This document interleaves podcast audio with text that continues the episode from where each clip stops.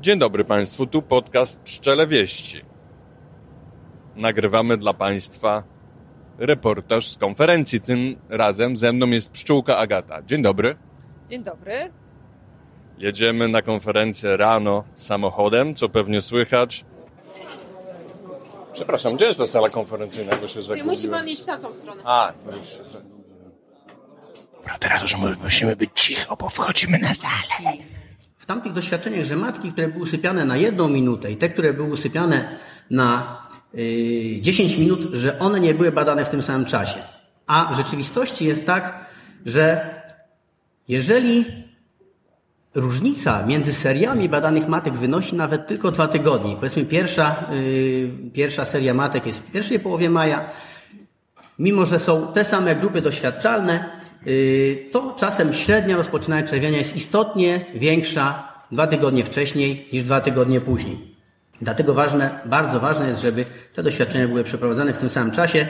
Yy, W przeciwnym razie może, mogą w grę wchodzić jakieś czynniki, których nie jesteśmy yy, w stanie przewidzieć, a które istotnie wpływają na wyniki yy, naszych badań.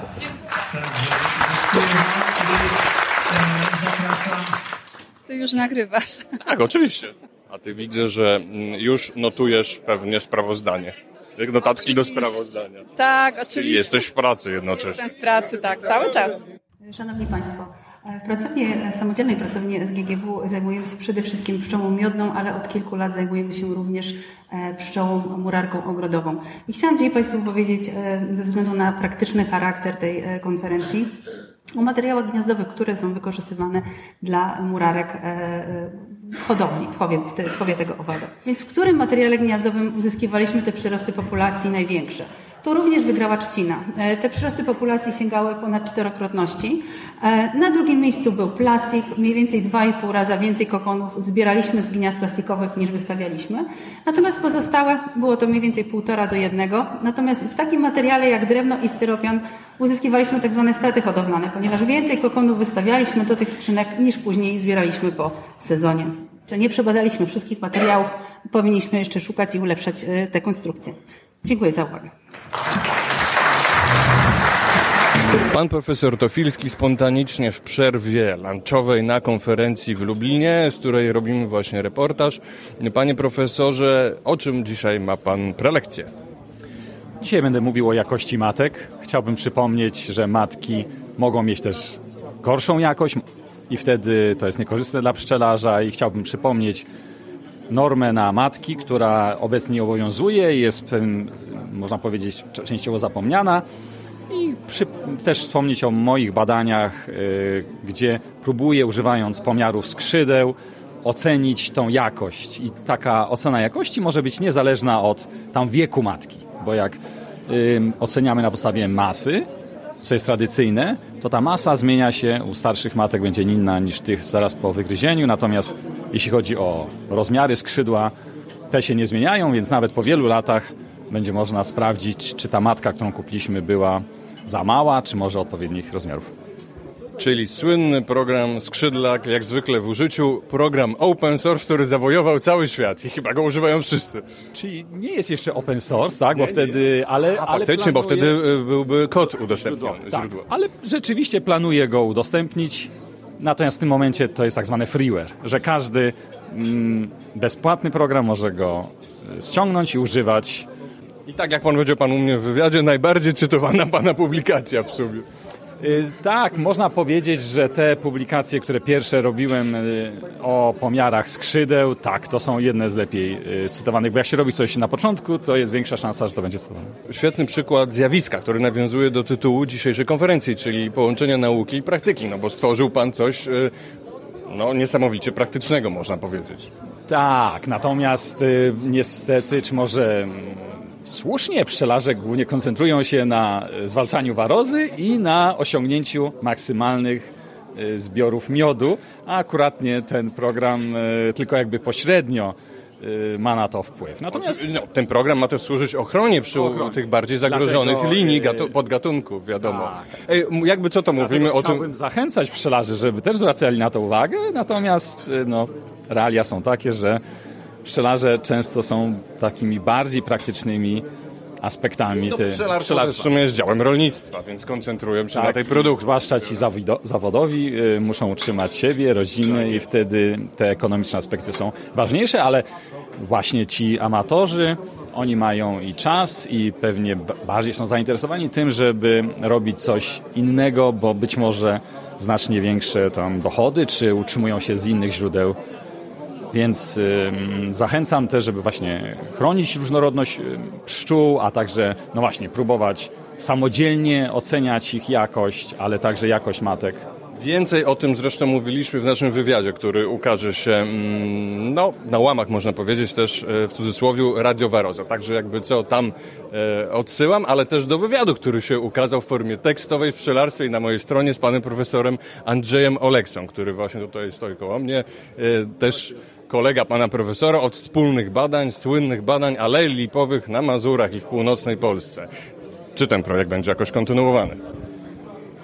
Czy ten projekt będzie kontynuowany? To ciężko powiedzieć, to zależy trochę też od pozyskania finansowania. No, na pewno warto byłoby to w dalszym ciągu y, monitorować, te, te unikalne środowiska stworzone przez aktywność człowieka, bo tempo ich zaniku jest dość znaczne.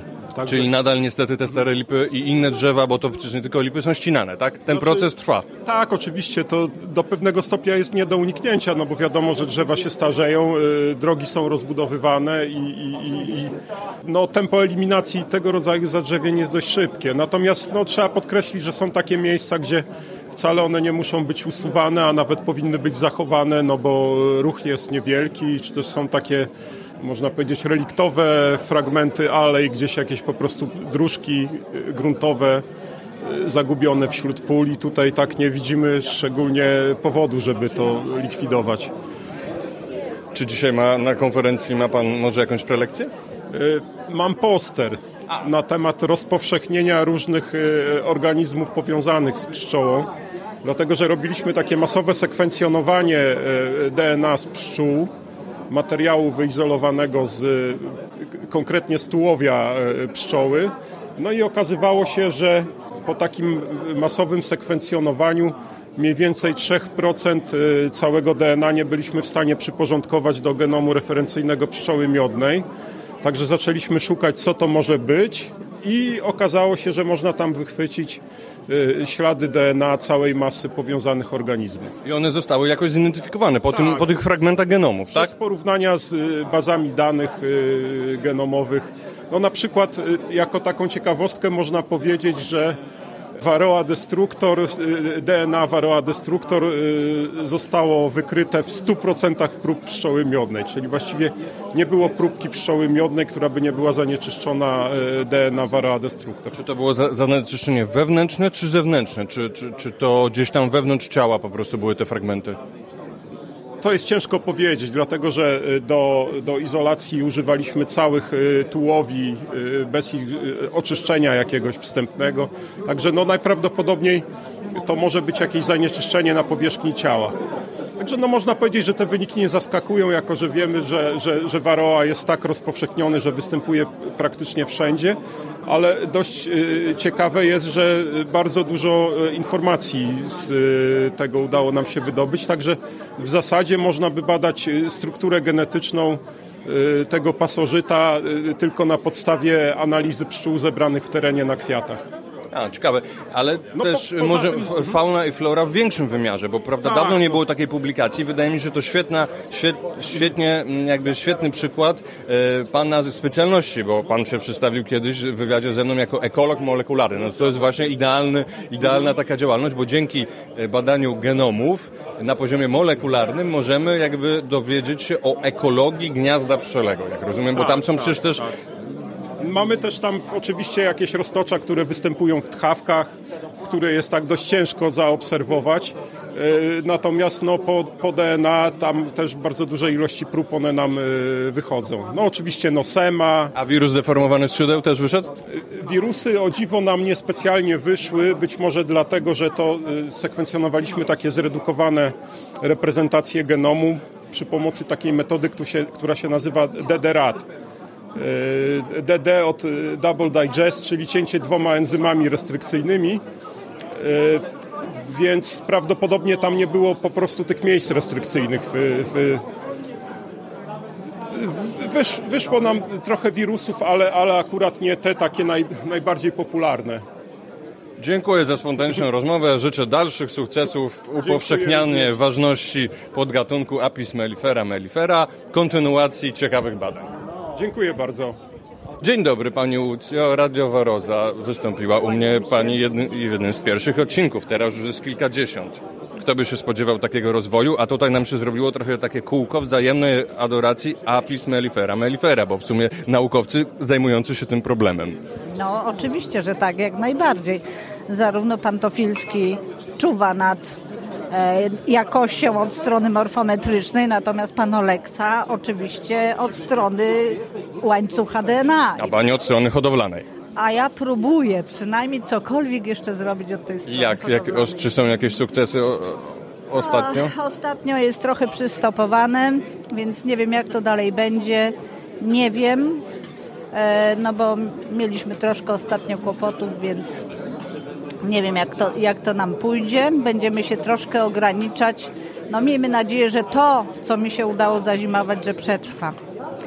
A co dalej, to naprawdę Ale re, Nie wiem. podejrzewam, że niestety ilość pszczelarzy e, chcących utrzymywać tą pszczołę w tamtej otulinie i, i w centrum tego obszaru zamkniętego, mówię teraz o Puszczy Kampinoskiej, nie wzrasta, a wręcz odwrotnie pewnie maleje. To znaczy, y, w tej chwili aż takiej oceny na ten temat nie mam, natomiast wiem, że paru y, pszczelarzy utrzymujących tą y, pszczołę odeszło i w związku z tym jest, istnieje pewne zagrożenie, że tak może się stać. E, Natomiast no, ja mam nadzieję, że jeszcze znajdziemy ludzi, którzy chcą tą pszczołę jeszcze trzymać, bo e, przy, zdarzają się ludzie, są kontakty nawiązywane z pszczelarzami, którzy pytają wręcz o tą pszczołę. Więc być może, że nie wszystko stracone i że jakaś przyszła iskierka przynajmniej do, na przyszłość będzie dobra. No oby. Jakby co to mo- moje kanały można wykorzystywać jako e, propagację tych informacji zachęcających, promocyjnych. A to bardzo dobrze, bo Proszę się zgłosić. dobrze będę miała na uwadze coś takiego. Mówiła pani doktor Łucja Skonieczna, hodowczyni pszczoły Apis mellifera, mellifera, a także własnej linii kralinki Sava. Dziękuję. Dziękuję. Czasami pszczelarze narzekają, że a, te matki są gorsze, mniejsze. Jeśli pszczelarz ma podejrzenie, że ta matka jest zbyt mała, może wykonać jej pomiar, zwłaszcza jeśli ona nie została przyjęta i została wyrzucona y, przed ul i jeśli te rozmiary takiej matki są zbyt małe, może próbować prosić hodowcę o zwrot kosztów. Wprawdzie nie obowiązuje takie prawo, bo ta norma nie obowiązuje. Moim zdaniem każdy z hodowców przychyli się do tego, bo rzeczywiście jeśli ta matka jest za mała, nie spełnia tych y, kryteriów, moim zdaniem te koszty powinny zostać zwrócone. Mam nadzieję, że w ten sposób spróbujemy poprawić tą jakość matek pszczelich.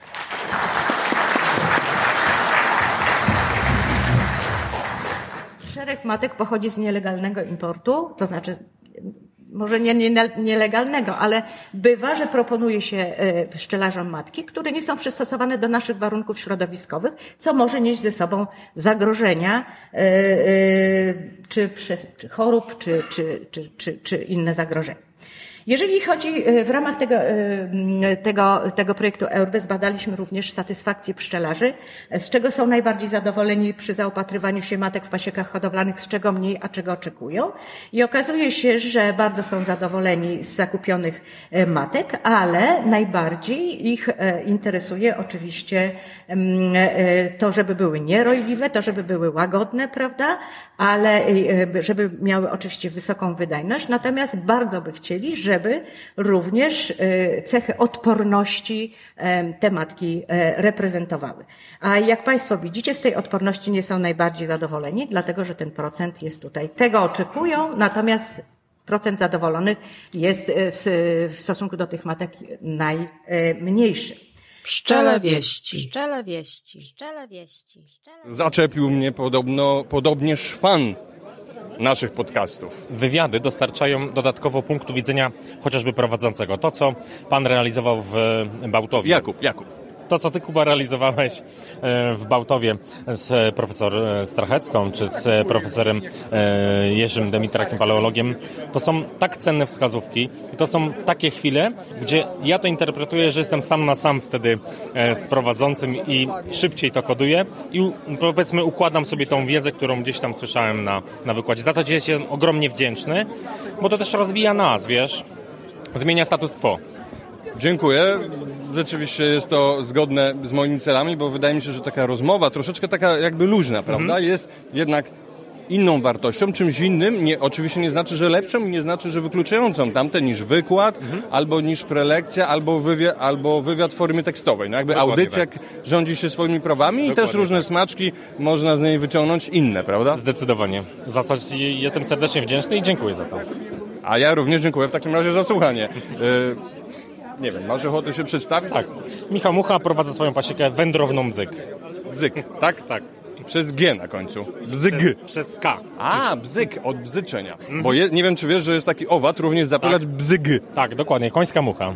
Y, Nie, nie, on jest nie do, to nie, Nie? jest końska mucha, nie, nie, nie, bo końska mucha jakby żywi się krwią, a bzyg to jest też muchówka, ale ona jest, y, tak jak pszczoła, żywi się między innymi y, pyłkiem. Tak, tak, tak.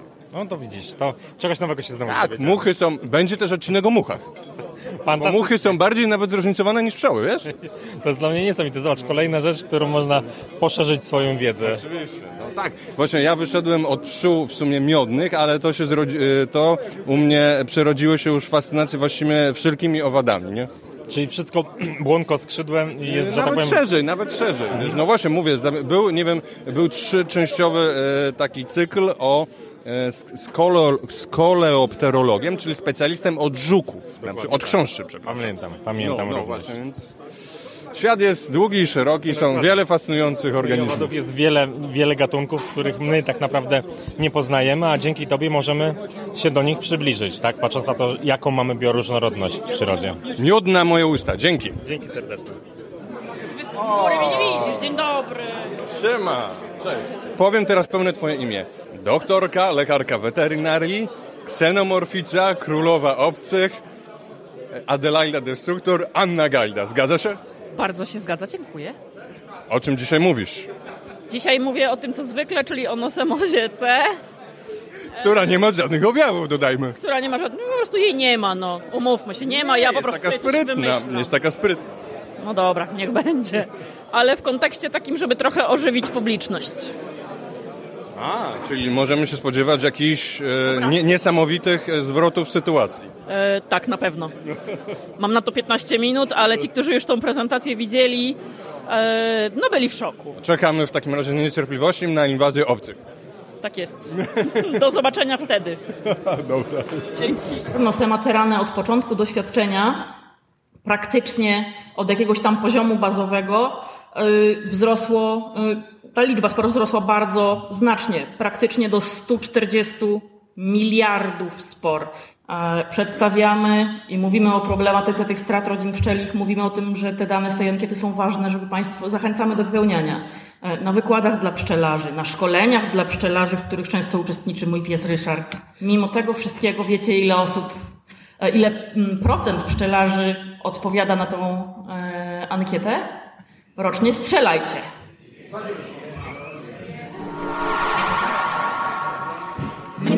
Niż 1%. Wstyd. Wstyd. Serio wstyd. Jeszcze powinna mieć taki dzwonek jak z gry o Tron. Naprawdę. Rozumiem, że w tym roku będzie frekwencja 70%. Dziękuję. Już drugi raz, drugi raz Piotrek. Tym razem Piotrek zaskakuje mnie tutaj spontanicznie. Okazuje się, że jest fanem radioweroza pszczelich wieści, także jak możesz powiedzieć, dlaczego jesteś fanem? No, Przede wszystkim dlatego, że dzięki Wam mam dostęp do e, wiedzy, która nie jest tak powszechna, jak mogłaby być. Odwalacie dobrą robotę i to jeszcze e, za free. Tak, taka jest idea. E, Więc, Open source, open access. więc to jest super, że dzięki Wam mogę się dowiedzieć tego, czego bym się nie dowiedział, bo wywiady, rozmowy, podcast e, to jest coś, co jednak nie jest dostępne, a taki żywy kontakt e, z człowiekiem, on dopiero daje informacje, nawet jeśli ja jestem tą trzecią osobą słuchającą. Tak jest, podobne mam wrażenie i dlatego ja to trochę, właściwie ja to robię oczywiście też pro publico bono, ale też głównie dla siebie, dlatego że ja to robię tak, jak sam bym chciał tego słuchać, to znaczy wydaje mi się, że taka audycja jest e, z wartością samą w sobie, jest nie dezawuuje oczywiście innej formy publikacji, czyli na przykład wykładu, prelekcji czy tekstu, natomiast jest po prostu inna. Zawsze jakieś inne smaczki można z niej też wyciągnąć. E, no, powiem Ci tak, ja mam taki klub e, Gentleman w Pasiece i tam mamy... Ra, ra, w pasiece. I tam mamy raz w miesiącu wykład na żywo z ekspertem. I jak e, z, mówiłem o tym i zapraszałem ludzi, to część osób pisało, po co mi to, jeśli mogę mieć to na, za darmo na YouTubie. E, No i, no i nie jest tak. Jeśli możesz zadać bezpośrednio pytanie komuś, e, zaraz po jego wypowiedzi i mieć tą interakcję, no to nigdy materiał odtwórczy nie będzie, nie będzie taki sam, więc yy, ja tego też doświadczam, bo ja rozmawiam z tymi osobami, które ten wykład poprowadzą, czego ty też doświadczasz podczas podcastu, yy, no to to jest dla ciebie, zdaję sobie sprawę z tego, że to jest olbrzymia wartość. Nie? Super jest yy, to, że od was można się dowiedzieć tego podejścia trochę też naturalnego do pszczelarstwa, a nie tego typowo rasowego, bo ja też uważam, że to jest słuszny kierunek. Wiesz, tutaj po prostu z uczciwości dziennikarskiej staram się prezentować e, różne światopoglądy, różne kierunki, różne również opinie naukowców na temat pszczelarstwa i w ogóle, ogólnie owadów związanych z pszczelarstwem. Nie o wszystkim pewnie tak samo, no bo niektóre są bardziej niszowe, a niektóre są bardziej mainstreamowe, że tak powiem, ale staram się, żeby e, zaszczepić informacjami o różnych Już sama nazwa ra- radia jest mainstreamowa. mainstreamowa i językowo na pewno, bo pszczelarze to słowo waroza mam, na, mam wrażenie, że wymieniają być może nawet częściej niż pszczoła. E, Może być. E, A co tobie jest bliższe w pszczelarstwie? Które podejście? Mnie najbardziej fascynuje obserwacja życia tego właściwie całego mm, superorganizmu, nawet całego ekosystemu ulowego.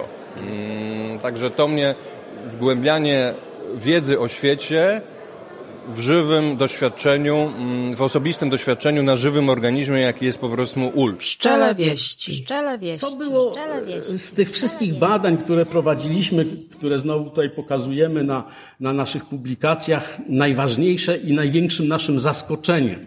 Otóż to, że my oczywiście prowadząc te głębokie badania, często biochemiczne, udowadnialiśmy, że ten imidakloprid szkodzi, ale proszę pamiętać, że stosowaliśmy dawki często dziesięciokrotnie, dwudziestokrotnie wyższe niż pszczoła może w naturalnych warunkach spotkać się z dawką imidaklopridu i nie obserwowaliśmy jakichś wybitnych yy, szkodliwości. Ja nawet kiedyś przygotowałem taki referat, w którym głosiłem, co bardziej szkodzi pszczołom. Yy, te now, najnowsze neonikotynoidy czy klasyczne pestycydy. I zawsze, kiedy dyskutuję na ten temat, to za, zapytuję tych, którzy są orędownikami mem, memorandum na e, neonikotynoidy, czy mogą mi podać przykład z wytrucia pszczół e, neonikotynoidami. Tak naprawdę my mamy do czynienia z wytruciem pszczół e, przy pomocy klasycznych pestycydów i dlatego no, musimy wszyscy sobie zdawać sprawę, że memorandum na ne ne neonikotynoidy oznacza stosowanie e, dwu, trzykrotnie więcej klasycznych pestycydów, co, co też nie wpływa nam dobrze na dobrostan pszczół. Pszczele wieści. Pszczele wieści. Pszczele wieści. Czy pszczółka Agata napoiła się kofeiną, jak się teraz czuje? Doskonale, będziemy latać.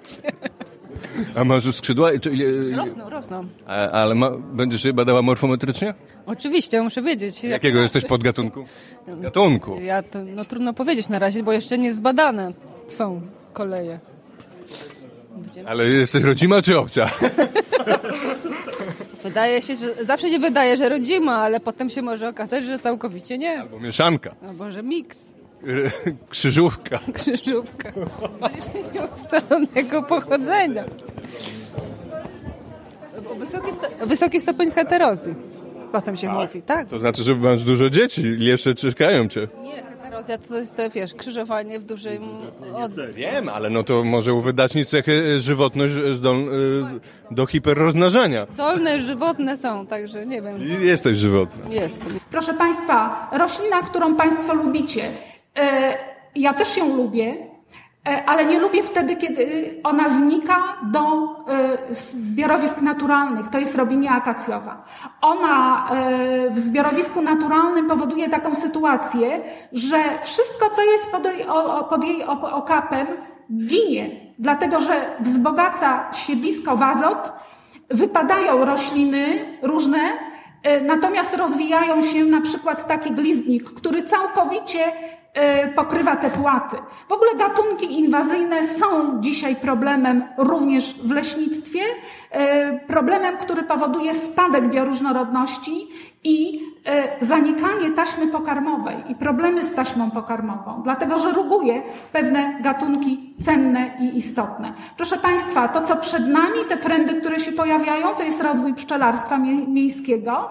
Tutaj będą wprowadzone gatunki obce, dlatego tak jak Państwo tutaj widzicie, po środku y, jest taki wykres, y, to jest lipa kaukaska, która znacznie lepiej nektaruje niż nasze gatunki rodzime. Także tam na pewno w środowisku miejskim takie gatunki będą wprowadzone. Pani a, profesorka Aneta Strachecka, współautorka książki Anatomia i fizjologia pszczoły miodnej. Pani Aneto, jak ciężko było napisać tę książkę? Ile miesięcy to trwało? To jest bardzo trudne pytanie, bo e, proces cały trwał wiele miesięcy. Tak naprawdę Mar- Martyna zaczęła pisać tę książkę dwa lata temu. Ja do niej dołączyłam w tamtym roku, na początku roku i jak ja, jako ja pisałam ją rok. Oczywiście z przerwami, no bo wiadomo, życie naukowca łatwe nie jest, plus jeszcze jakieś obowiązki rodzinne, domowe, e, więc z takimi przerwami. Przy czym ja miałam taką zasadę, że jak już siadałam do jakiegoś rozdziału, to chciałam go po prostu skończyć. Więc już całą sobą zostawiałam wszystko inne i po prostu pisałam. Także mówię, no rok czasu ja w tym zespole z Martyną. Ostatnie miesiące to w zasadzie e, listopad e, to, były, to była już korekta tych rozdziałów, jakieś tam nie, dociąganie kropek, przecinków i tak dalej. Ale jakoś się udało, dzięki Bogu. Niestety jeszcze nie czytałem, więc nie mogę zadawać pytań związanych z treścią książki, ale o, właśnie może takie pytanie. Dlaczego warto, żebym ją przeczytał i żeby przeczytali ją inni? Czyli autoreklama po prostu. Autoreklama. znaczy, książka, ja myślę, że ma wiele punktów, których ja uważam, że są wartościowe. Po pierwsze, e, sama treść i merytoryka. E, Starałyśmy się w końcu zaktualizować po 150 latach e, wiedzę, zebrać ją w jednym miejscu o anatomii fizjologii pszczołomionej. Przy czym fizjologię od razu podkreślę, że to są podstawy. Ja mam ambicje, żeby napisać taką prawdziwą fizjologię pszczoły miodnej, jako ten tak jakby dołożenie do tej książki. Na 500 stron. No nie wiem, czy na 500, czy na 400, ale na pewno to będzie szerokie opracowanie, jeżeli miałoby zawierać na pewno aspekty również takie stricte dedykowane pszczelarzom, czyli oprócz takiej wiedzy typowo fizjologicznej, e, podstawy e, takiego typowego pszczelarstwa, w jaki sposób tą wiedzę fizjologiczną pszczelarze mogliby wykorzystać. To na pewno to będzie duże, dość grube opracowanie. Ale mm, e, to, tak jak mówię, no przede wszystkim merytoryka, uaktualnienie. Druga rzecz, to, co my żeśmy największą naszą bolączką była podczas pisania tej książki, to to, że e, w literaturze polskiej w ogóle nie jest ujednolicone, e, no, ujednolicona nomenklatura.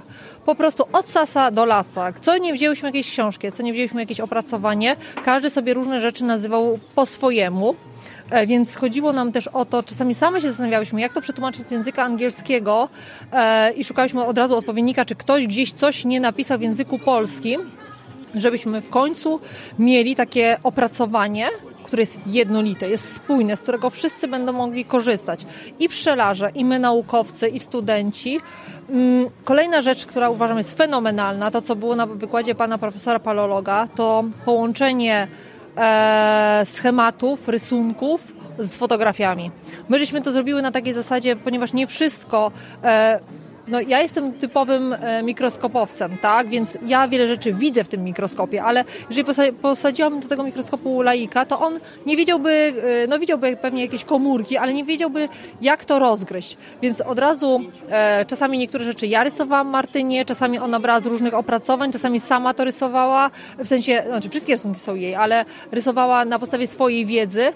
E, kupę, bardzo dużo tych rysunków jest wykonane, schematów, i to jest, myślę, że największa wartość. Rysunek obok zdjęcie, od razu podpisy. to wszystko gra ze sobą i od razu jest wyjaśnione w tekście, po co to jest pszczole. I od razu, jeżeli tam, gdzie się dało, jest aspekty typowo pszczelarskie, tak? Czyli y, co z tego pszczelarz może wykorzystać w swojej pasiece. Rozumiem, czyli przekazywanie wiedzy nie tylko za pomocą tekstu, ale również za pomocą ilustracji. Tak, A ja też lubię przekazywanie za pomocą dynamicznych wykresów, ruchomych. Często jeszcze, co nie da się oczywiście zrobić w książce, tylko na przykład w prezent...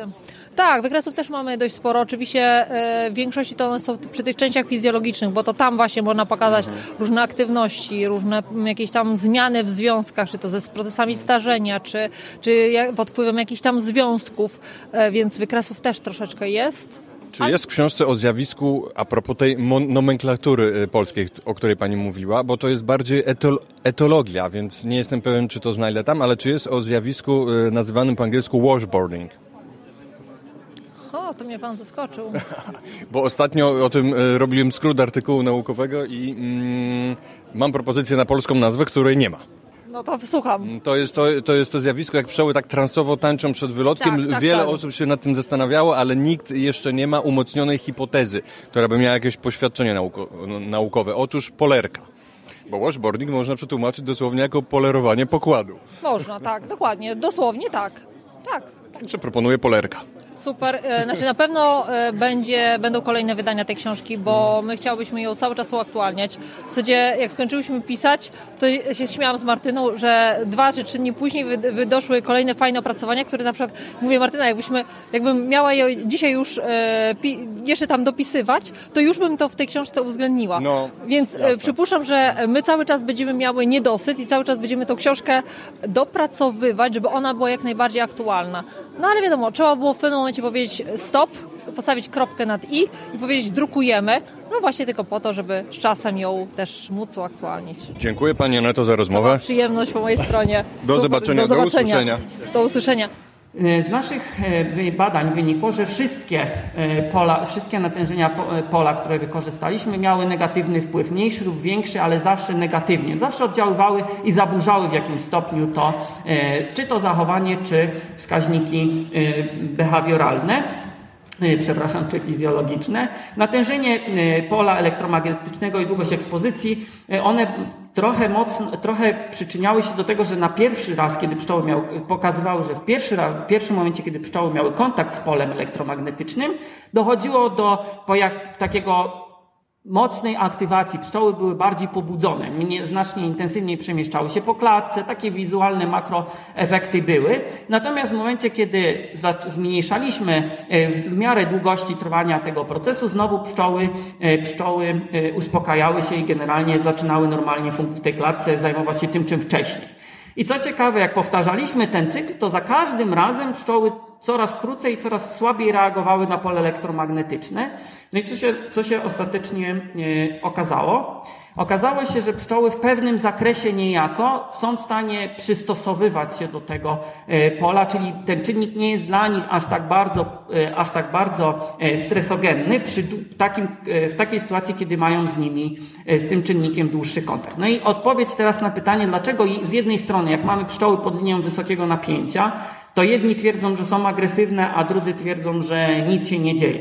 No kwestia tego, czy my tak naprawdę wkładamy pszczoły do pola elektromagnetycznego pod linią wysokiego napięcia i za krótki czas jesteśmy, kontrolujemy te rodziny po transporcie, i wtedy rzeczywiście raz, że transport będzie wpływał na to, że one mogą być bardziej agresywne, ale dwa, to, że znalazły się w nowym dla, dla nich e, w środowisku elektromagnetycznym, a natomiast po dłuższym czasie, kiedy pszczoły ktoś utrzymuje i to zdjęcia, nawet takie pasiek pod liniami wysokiego napięcia są pokazywane, pszczołom nic się nie dzieje, nic złego, nie widzimy żadnych zmian takich w makro, makroskali. Rzeczywiście, jeżeli tak e, one dłużej przebywają w tym polu, znacznie lepiej znoszą je, z nim e, kontakt z tym, z tym polem. Pszczele wieści. Pszczele wieści. Pszczele... Kolejna przerwa na konferencji. Zespół Vet for Bees razem, czyli weterynarka Ewa Mazur i dosłownie za chwilę lekarz weterynarii Bartosz Molasa. Jak Wam się podoba konferencja? Bardzo, bardzo mi się podoba. Y, Dużo ciekawych prezentacji i, i y, krótkich wykładów. Niestety w ogóle nie widziałam posterów, jakoś mnie ominęły. Nie wiem, czy Bartek. Nie, teraz będą.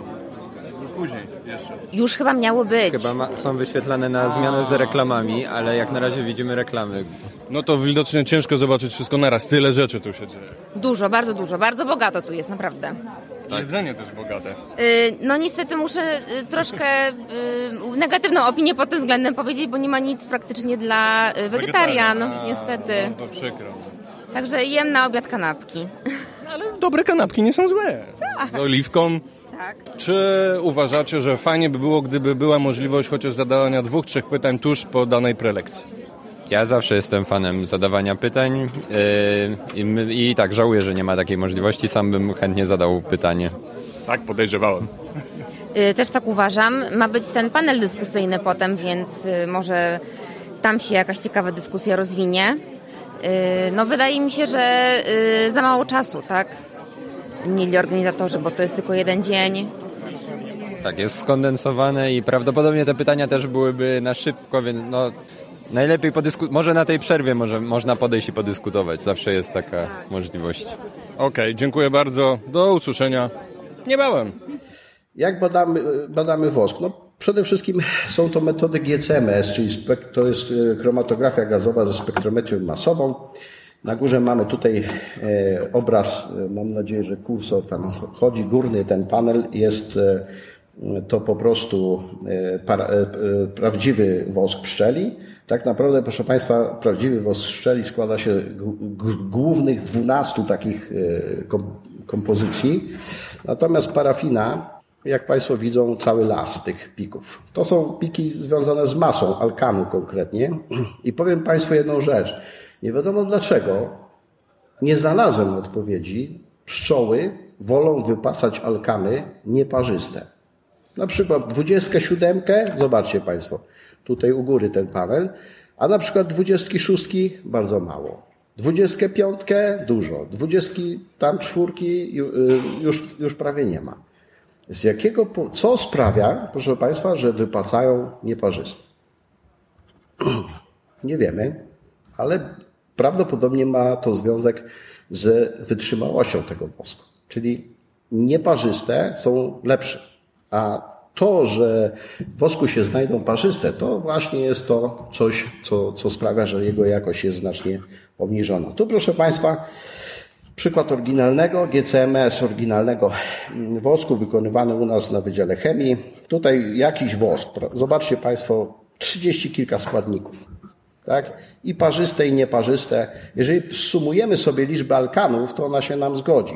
Natomiast jeżeli weźmiemy stosunek 27 na przykład do 26, to on zupełnie będzie inny niż w wosku prawdziwym. To jest porównanie, dwie tabele. Jedna próba to dobry wosk, druga próba wosk e, po prostu taki e, z dodatkami. Nawet na forach o tym gdzieś tam pszczelarze e, pisują. Jeszcze raz powtórzę, zgadzam tutaj się z panem profesorem. Niemniej jednak nie do końca się zgadzam, że jest to fenomen tylko i wyłącznie e, pszczół, dlatego że występowanie węglowodorów o nieparzystych liczbach atomów węgla w cząsteczce jest dość powszechnym zjawiskiem występującym w przyrodzie. A jest to związane tak naprawdę z reakcją biochemiczną, w której powstają węglowodory. Otóż węglowodory, które naturalnie występują w wosku pszczelim, e, powstają na drodze dekarboksylacji kwasów tłuszczowych. A kwasy tłuszczowe w przyrodzie występują em, z parzystymi liczbami atomów węgla w cząsteczce. Reakcja dekarboksylacji, czyli odłączenie dwutlenku, cząsteczki dwutlenku węgla właśnie z kwasów tłuszczowych. E, Dwutlenek węgla ma jeden atom węgla. A zatem w wyniku odłączenia dwutlenku węgla, jednej cząsteczki, powstaje nam węglowodór o nieparzystej liczbie atomów węgla w cząsteczce. Spotykam na korytarzu znajomego pszczelarza z dawnych lat. Powiedz, y, jak imię, twoje imię, nazwisko albo nazwę pasieki? E, Cześć, nazywam się Piotr Świdziński, e, jestem z daleka, z Wielkopolski, przyjechałem tutaj dzisiaj na konferencję i jestem bardzo miło zaskoczony tym, co usłyszałem. Który do, dotychczas wykład, który posłuchałeś, zwrócił twoją uwagę? E, Bardzo podobał mi się wykład na temat apiscerana, e, e, nosema, nos, nosemy. E, Nosema cerana. Nosema Tak, cerana, no, tak. drugi członek jest taki sam w nazwie. Oczywiście. Pani Anny Gajda. E, bardzo, bardzo rzeczowo, bardzo interesująco i w ogóle tak e, z takim podejściem całkiem innym niż tam typowo naukowym. Żartobliwym, to Oczywiście, oczywiście. Nie wiem, czy też jesteś fanem fi e, filmu Alien, bo ja na przykład jestem. Zdecydowanie. Pierwszy, pierwszy, e, pierwszy jakby ten slajd e, prezentacji już wzbudził moje największe zainteresowanie, więc, e, więc się ożywiłem bardzo mocno. E, no i udało nam się zaprosić Panią e, do nas. Na, na, mam nadzieję, że, że of, oficjalnie będziemy mogli to potwierdzić w marcu i będziemy słuchać e, kolejnego ciekawego Jak jesteś fanem, to zapraszam Cię do jednego z odcinków Radio Waroza, gdzie z Kacprem, etologiem od owadów, który też jest fanem science fiction i, tego, i tej serii filmów, omówiliśmy przez trzy godziny cykl życiowy tego, ksen, tego ksenomorfa, tak jakby był on realnym organizmem, wiesz, tak jakbyśmy omawiali cykl życiowy rodziny przynajmniej, nie? A świetnie nie słyszałem, No, więc, więc na pewno odszukam. Dzięki. Dzięki. Powodzenia w takim razie. Dzięki. Przepraszam, że Pani przerywam. Muszę Pana oskarżyć. Mój Niech Pani oskarża. Mój mąż y, mnie z Panem regularnie zdradza. Słucha Pana podcasty i YouTube po prostu non-stop. Dlaczego tak zły jest mój podcast? Pana podcasty są najlepsze. Mój mąż zdradza y, m- z Panem mnie regularnie. I Pan, rozumiem, że Pani już mówi, e, Zichu, chodź do łóżka. tak, dokładnie. I co? I ciągle tylko słyszę Waroa, Waroa. Dzięki. A, mój dżingiel. Podoba się Pani mój dżingiel? No wolę jednak wykłady niż tam ci. Dzięki. Skoro to jest konferencja Nauka Praktyce, to chciałbym zaproponować pewne wskazówki, które mogliby Państwo po powrocie do domu i z nastaniem wiosny zastosować, aby właśnie taką łąkę kwietną sobie zrobić we własnym ogródku. Więc wybór miejsca, oczywiście każde miejsce jest dobre, ale należy je przygotować. Przygotować, a mianowicie zniszczyć tę roślinność, która tam w tej chwili jest i wtedy dopiero będzie można przystępować do siewu. Siew nie trzeba nikomu powtarzać, co to jest. Generalnie trzeba trzymać się zasady, aby przykryć nasiona tak grubą warstwą gleby, która stanowi o trzykrotnej grubości nasion. Często popełniany błąd to zbyt głęboki siew i niestety wtedy takie, takich efektów nie ma. I choćbyśmy naprawdę bardzo się starali, to te rośliny nie kiełkują i nie będzie z tego pożytku. Pierwsza pielę- pielęgnacja przede wszystkim podlewanie właśnie do momentów wschodów, a później już ta pielęgnacja gruntowna, czyli dwukrotne koszenie w ciągu roku. To nie jest dużo. To nie jest dużo, można to wykonać. Pszczele wieści. Pan Piotr Różyński, Związek Prezes- Pszczelarstwa Polskiego w Nie, nie, Lublinie, nie, nie, nie. tak? To, to jest Wojewódzki Związek Pszczelarzy w Lublinie. Także się I co pan sądzi na temat podcastów moich? Tych, Szczerze które- mówiąc, y, tak, najbardziej jak gdyby forma, tak? A tym bardziej ostatnio tak y, parę tych mnie się y, podobało, szczególnie ten o tych pasożytach, tak? o pasożytach, czmielcach, czmielach, czmielcach. Społecznych. No mam takiego... Szczególnie, szczególnie ta druga część, bo troszeczkę tak, wiadomo jak to każdy Polak troszeczkę y, się interesuje tym, co się kręci w świecie. Cieszę się bardzo, no mam szerokie horyzonty i, i mój znajomy Kacper, którego zapraszam, student etologii, też ma takie szerokie horyzonty, więc e, ten świat owadów e, okazuje się tak fascynujący, że może nawet e, prowadzić do przemyśleń w innych sprawach. Szczerze mówiąc, im głębiej się wnika w społeczność pszczół, tym bardziej ona nie przystaje do społeczności ludzkiej. Nie przystaje w ten sposób, jak my sobie to wyobrażamy. Tak? Pszczele wieści. Pszczele wieści. Pszczele wieści. Drodzy Państwo, obalając jeden z mitów, że leki, które Państwo, czyli produkty lecznicze weterynaryjne, które stosujecie Państwo w pasiekach, które jak cennie zauważył profesor Wilde, których jest 14, są nieskuteczne. Drodzy Państwo, jedna podstawowa rzecz. Zanim lek znajdzie się na rynku, przechodzi szereg szeroko zakrojonych badań nad skutecznością, nad bezpieczeństwem, etc. I teraz, drodzy Państwo, jeżeli są na tej sali osoby, które twierdzą, że leki, które mają dostępne, są lekami nieskutecznymi, to każda z osób na tej sali, drodzy Państwo, ma narzędzie do czegoś takiego, co się nazywa zgłaszanie niepożądanego działania leku. To może zrobić każdy, nie tylko lekarz weterynarii, ale literalnie, prawnie e, właściciel zwierzęcia, czytaj pszczelarz.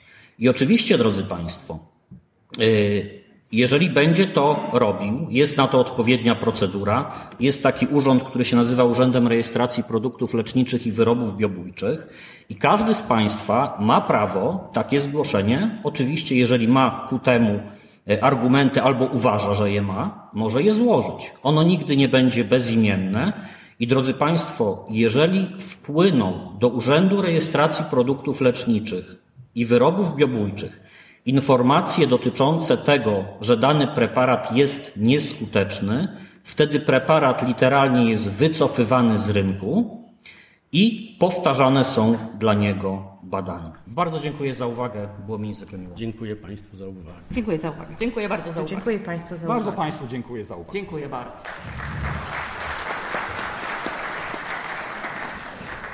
Ale jeżeli się podobało, to zawsze możesz rzucić groszem na Patronite. Wszystkim patronkom i patronom serdecznie dziękuję i jak ktoś ma ochotę, to zapraszam, aby dołączył do tego grona. Jeżeli interesują Cię bardziej tematy biologiczne w kontekście owadów, no to myślę, że spodoba Ci się radiowaroza. Natomiast jeżeli poszukujesz stricte informacji pszczelarskich, aczkolwiek nie są to takie informacje, powiedzmy, jak zrobić odkład, natomiast różne zagadnienia związane z pszczelarstwem, no to myślę, że Pszczele Wieści będzie bardziej podcastem dla Ciebie. Oczywiście zachęcam do słuchania jednego i drugiego, jeśli tylko znajdujesz to jako ciekawe treści i masz czas, żeby to słuchać. Pszczele wieści. Pszczele wieści. I zapraszam Cię na naszą stronę internetową www.warroza.pl Radio Warroza. Znajdziesz tam także opisy odcinków, ilustracje, skróty zagranicznych artykułów naukowych dotyczących pszczelnictwa i biologii owadów, a także różne inne ciekawostki. Pszczele wieści. Pszczele wieści. Pszczele wieści.